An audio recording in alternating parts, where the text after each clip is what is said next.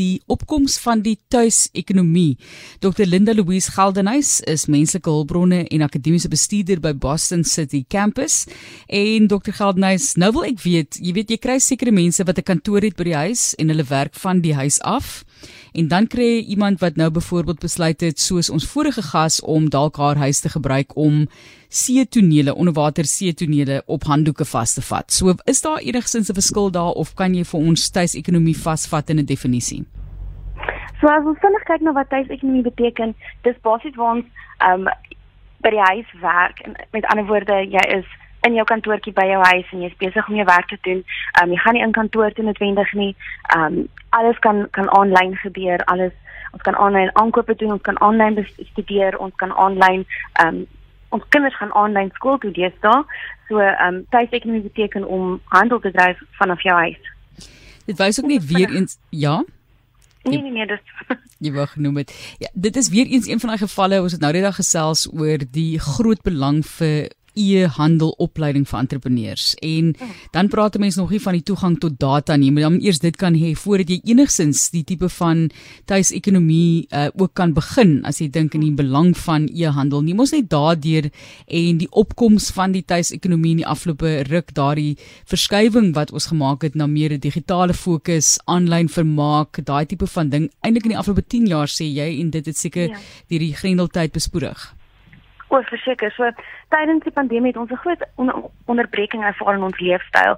Um ons werk, ons studeer, um alles het basies 'n drastiese verandering of skywing gevind. Um McKinsey & Co het bevind dat dis 'n nuwe manier van leefstyl en dit is dis hier om te bly. So ons het binne 90 dae 'n geweldige groei in terme van e-handel, e-handel, ekskuus, ervaar dit wat dit wat vir ons 'n hupstoot van ongeveer 10 jaar gegee het in Suid-Afrika. Um aan die begin van die pandemie het baie fisiese winkels oorgegaan na aanlyn formaat.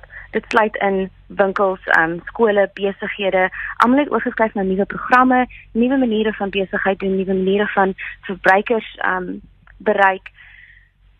Ook nuwe maniere van kommunikasie met mekaar en ehm um, soos jy sê ja, dit het 'n groot impak op uh toegang tot internet en en al daai aspekte, maar baie besighede bied dit ek weet daar's baie besighede wat byvoorbeeld 'n uh, um, volledige kantoor vir vir hulle werkers by die huis inrig.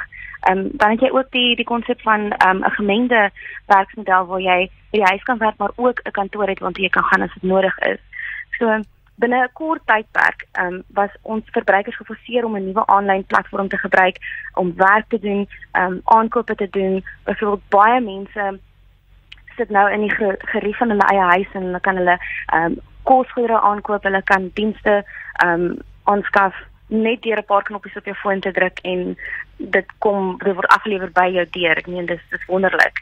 So baie akademiese instansies byvoorbeeld het ook oorgeskuif na 'n aanlyn formaat om seker te maak dat daar nie te veel tyd op die ver, verlore gaan op die akademiese kalender nie. Ehm um, Zoom byvoorbeeld is iets wat ons nou baie goed ken.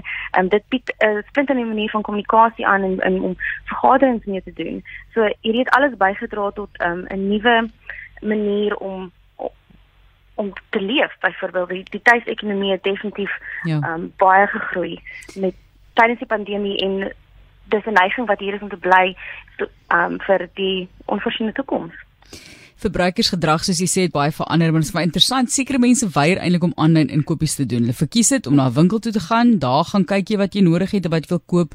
Sommige mense net omdat hulle meer daarvan hou ander want hulle is bang in terme van die aanlyn aankopie veiligheid vir hulle finansies maar meer en meer gaan mense daarvan gebruik word. Natuurlik so as 'n mens nou kyk hoe dit deel geraak van die tuisekonomie die opleiding deel ook daarvan in terme van om te kan handel aanlyn?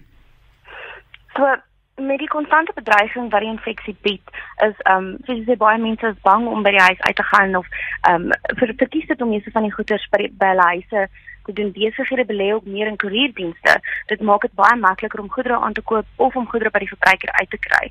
So ehm um, takealot.com, ehm um, Woolies Dash, uh Pick n Pay ASAP check 6060 dis alles nuwe maniere van aankope doen wat wat dit so gerieflik maak. Ek meen ehm um, jy hoef nie tyd uit jou dag uit te vat om gou winkels toe te gaan nie. Hulle lewer dit vir jou af.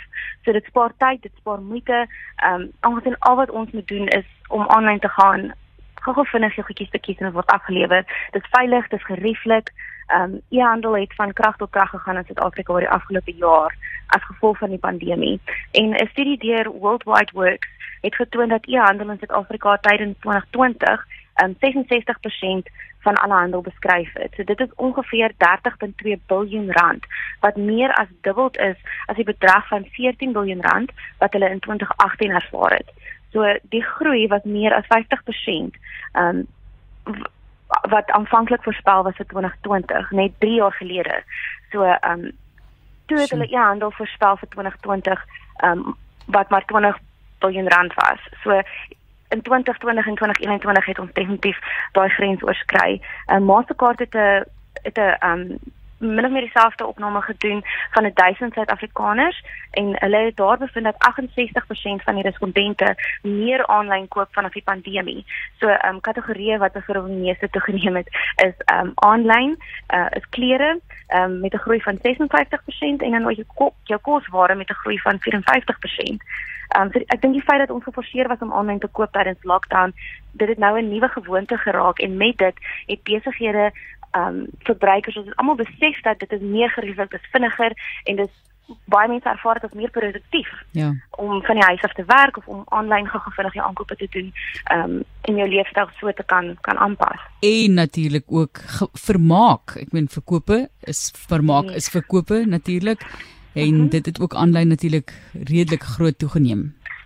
O, verseker, so ons het verander in ons gesin hoe ons dienste en goedere verbruik. Ons het verander oor hoe ons um, werk. Ons het verander oor hoe ons media gebruik.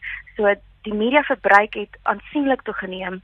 Ehm um, sien dat mense gereeld inligting soek en ook vermaaklikheid soek. Dit het ook verander hoe die ehm um, omgewing lyk vir bemarkers. Suid-Afrika se digitale video gehoor het die TV gehoor verbygevat in 2020.